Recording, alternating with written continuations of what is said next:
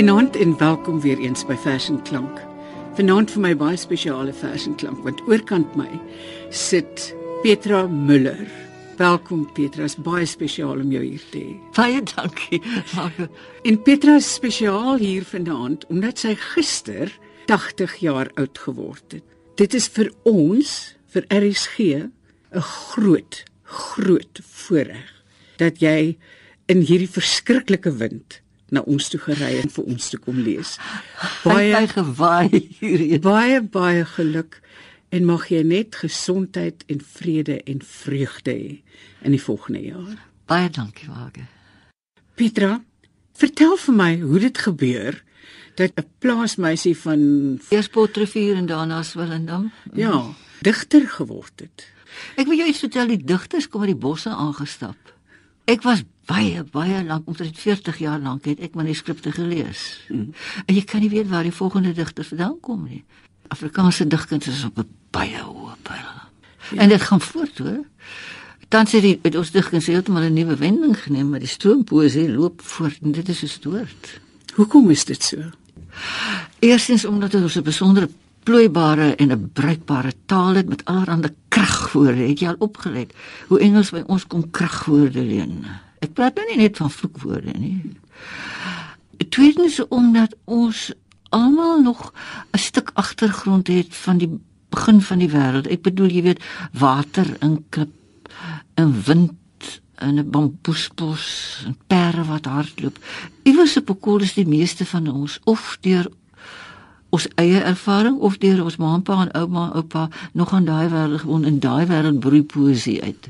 Ek weet dit is met my die geval. My ma was een van 25 kinders. Jy kan my maar glo, daar was drie vrouens en een pa, ou mooi Arend Dippenaar. Ek sal nou nie sy bynaam sê nie.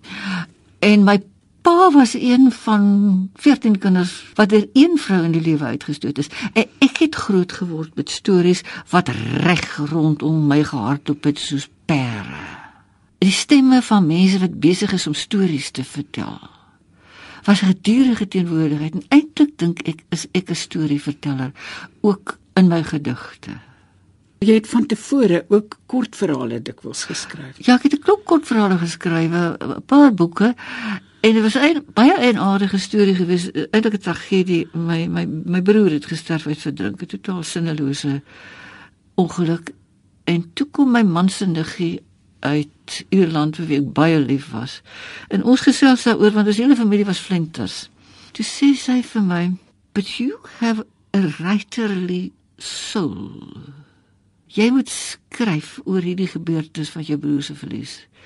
En toe het ek begin om oor my broer se se dood, die gedagtes wat my opgekom het neer te skryf en dit het so hoop flenters geword. Sy het vir my gesê moenie dit goed weer lees nie. Los dit tot jy 'n klomp het. Sit dit weg. En ek het dit toe weggesit en toe sien ek hierdie flenters, hierdie ingekorte goeters lyk vir my na gedigte want ek het nooit gedink dat ek ooit 'n gedig sou kon skryf nie. My liefde en absolute verstomming oor poësie was so dit ek het regtig nooit gedink ek sou by daai ding uitkom nie. En op daai oomblik toe ek begin het met hierdie flenters goed, hierdie korter goed. Het die kort verhale van my weggegaan en ek het nooit weer begeerte gehad om kort verhale te skryf nie. Maar dat 'n groot gedeelte van hierdie vertelsig die stemme van al my voorvaders het in die poesie oorgespring net in 'n ander vorm. En 'n roman? Ek het toe ek jonk was het ek 'n paar romans onder die skuilnaam Magriet Smalberger geskryf. Dit was vir my lekker. Dit was dit was jolly. Ons het geld nodig gehad, jy weet. Watter gedig gaan Magriet Smalberger vir ons eers te lees vandag? Hierdie gedig se titel is Orkaan onverwags. Maar dit gaan eintlik oor daardie tsunami wat ons beleef het met al daai opgedryfde liggame, onthou jy? Hmm. Binne die wervelende wind lê opgekrul die wondbare gedagtekind. Soos in die kluise van die Nautilus die sagte seegediertjie wat binne in sy eie maaksel is. So skep die storm op wat tot die storm hoort. Gedig, gedagte, wêreld, woord hart en laat dit later as die werwel van homself verlos is lig weg in die waters los. En dit ontvou so blind en stil dat nie eens jy sal weet dat dit van jou is nie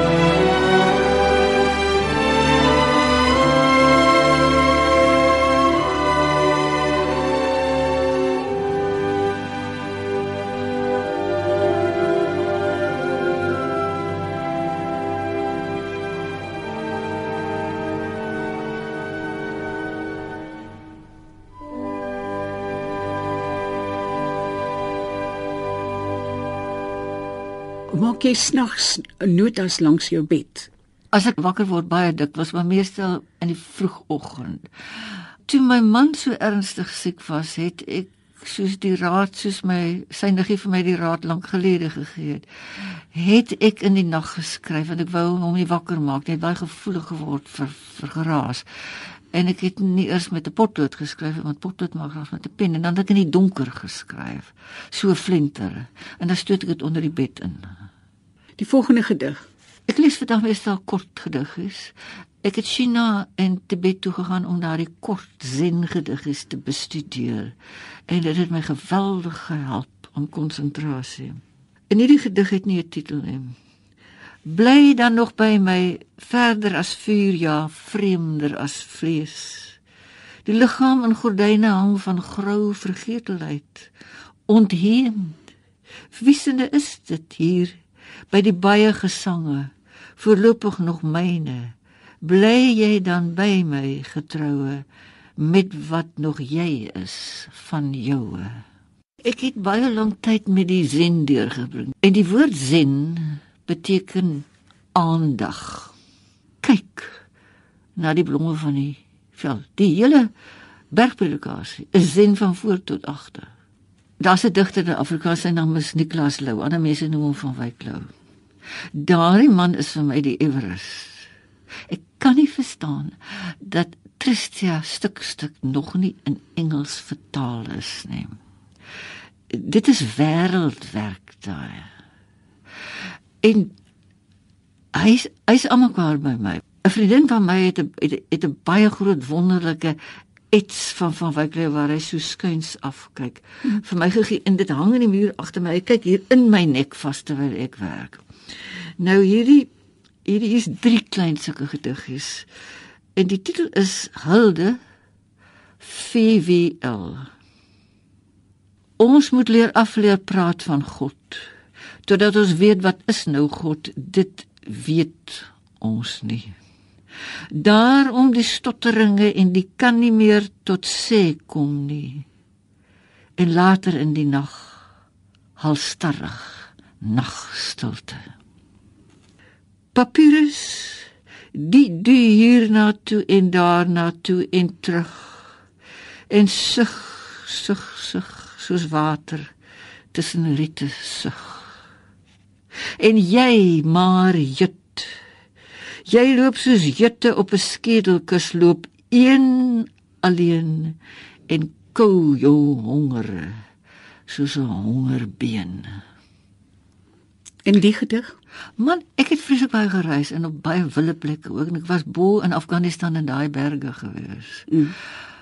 En toe het ek 'n keer 'n foto gesien van vroue vegters, Taliban vegters, Pashtun. Twee van hulle en dit het hierdie gedig by my ingegee. Vroue vegter Afghanistan. Dit is in die stem van die vroue vegters met die gewere wat ek waarvan ek 'n foto gesien het in die National Geographic. Ek het deur verskriklike berge ontsnap te perd tussen rotse met enkele ander vroue van wie ek die name nie eens geken het nie. My voete stewig in stubios, die Kalashnikov met 'n riem gebind oor my knieë. Maar ek was in my lewe tog 'n vrou het ek gedink wat gewoon het in 'n huis met gordyne naby 'n meer waarin later lyke gedryf het. Waarheen het die droom my gebring? Maak die dodes ook oorlog? en lyk oorlye so die deur tog deur klowe waar die water reg afstroom deur skerp watervalle waarvan mense soos ons nie eens kan skep vir jou dors nie. Wat nog te sê van iets om te eet? In my lewe was liefde die enigste oorlog. In die oggend het ek blomgordyne oopgetrek en lig op die tafel geplaas saam met grof brood en groen tee vir 'n man met donker wenkbroue. En later het ek alleen langs dieselfde tafel gesit en met my regterhand letters gemaak op papier dat hulle nie meer van my wegvlieg nie. Ek wou so graag onthou. Maar hier is ons almal ongeletterd weer. Elke dag dien sy nag met vuur en geen een van ons het nog ooit die see gesien nie. Och, dis ongelooflik, dis aangrypend. Nou hier is 'n klein gediggie wat saam met die ander een gekom het en dit gaan terug na iets wat my skoonma, wie se pa Russies was, vir my vertel het van hoe mense in die groot oorlog in Rusland soms as hulle nie hulle geliefdes meer gesien het en hulle name in 'n berkeboom se bas, 'n berkeboom met wit bas gekerf het. Dat as die geliefdes dalk eendag weer daar verbykom dat hulle net die naam sou sien. Wout Karkov. En nou is daar niks meer oor nie van lewe of sterf. Die lank uitgestelde afskeid het dit alles beveilig. Vir eenvoudige letters nie van lewe of sterwe net harsige name onvasgekerf in bestendige pas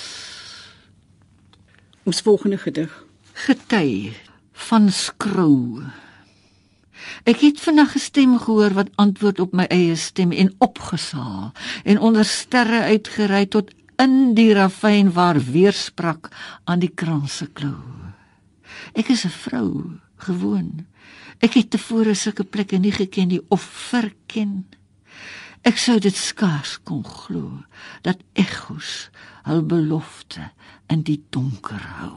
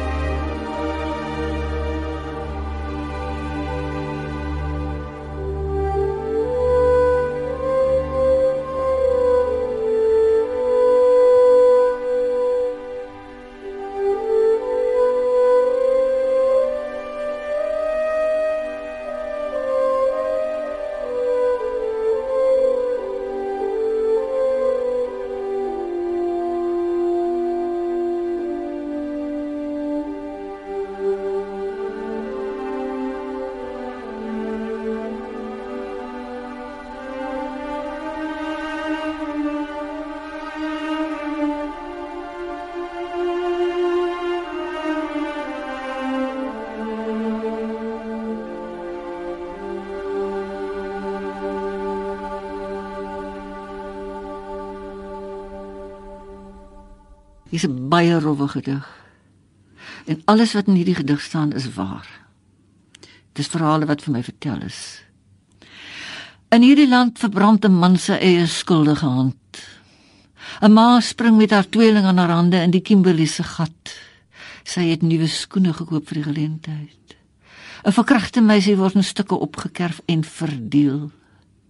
Presidente word dik. Hulle koppe glim. Hulle oë peel uit van die las wat gedra moet word deur presidente groot en klein. Honde word wild en maak trop. Wat is daar nog wat gevreet kan word? Afgronde lonk. Die klip val in die leegte weg so lank suis word selde gehoor. Die hart hou asem op en gee hom aan die lewe oor. Jy het gesê jy het Engelse gedigte wat ek nog nooit gehoor het nie of gelees het nie. Het jy vir ons een saamgebring? Ja, ek skryf dikwels Engels as ek met by dit alles ek oor sê is daar by my mense in Kanada skryf ek net Engels. Dit is wat by my ore inkom. Jy weet, nou steek dit 'n bietjie vas en gaan dit alle kante weer uit. Nou hierdie is 'n Engelse gedig waarvoor ek baie lief is. En dit is 'n gedig vir my oudste seun, my my eerste kind. En dit is die stem van 'n fetus. Dit is die stem van die kind voor hy gebore word. En dis Engels. Under my sleeping lidded eyes the world is stirring. I am a music split through by the lub-dub of my own and mother's heart. My ears coil to the inside where seas speak in the thin bones of my skull. My mouth is merely a wound, yet a slit which harbours far off cries at sea. I am a ship, fully filled with breath as it comes and goes. Gulls ride on my swell. As I approach you, my flower-swelling earth, I carry my pain to your passion even in the watchful reaches of my sleep, across which the shapes of your clouds are moving like great skates in the sea. Tell me, have you yet remembered me? So uit die baarmoeder uit. Ja, dit is uh, jy weet, Martin Versveld het altyd vir my gesê as jy 100 liefhebbende lesers het, dan het jy mos genoeg. En as jy genoeg het, dan is jy mos tevrede. En oor hierdie Engelse gedig is ek baie broos. En tevrede hoop ek. Ek is tevrede met dit. Ja. Inderdaad, jy mag wees. Ons gaan afsluit met iets ligters, né? Nee? Ja. Dis is nou die ou vrou se aandgebed. Vou my knokkelerige vingers same. Bo die rand te staan die maan. Lees ek in 'n stok 'n boek, gee tog moeilikheid aan die wat moeilikhede soek. En as dit hier benede moontlik is, hou my hartjie nou nog reiner as tevore. Verlos my asseblief van hom waar alles rym. Bisie bisie ba me vra ek en ek weet dis baie.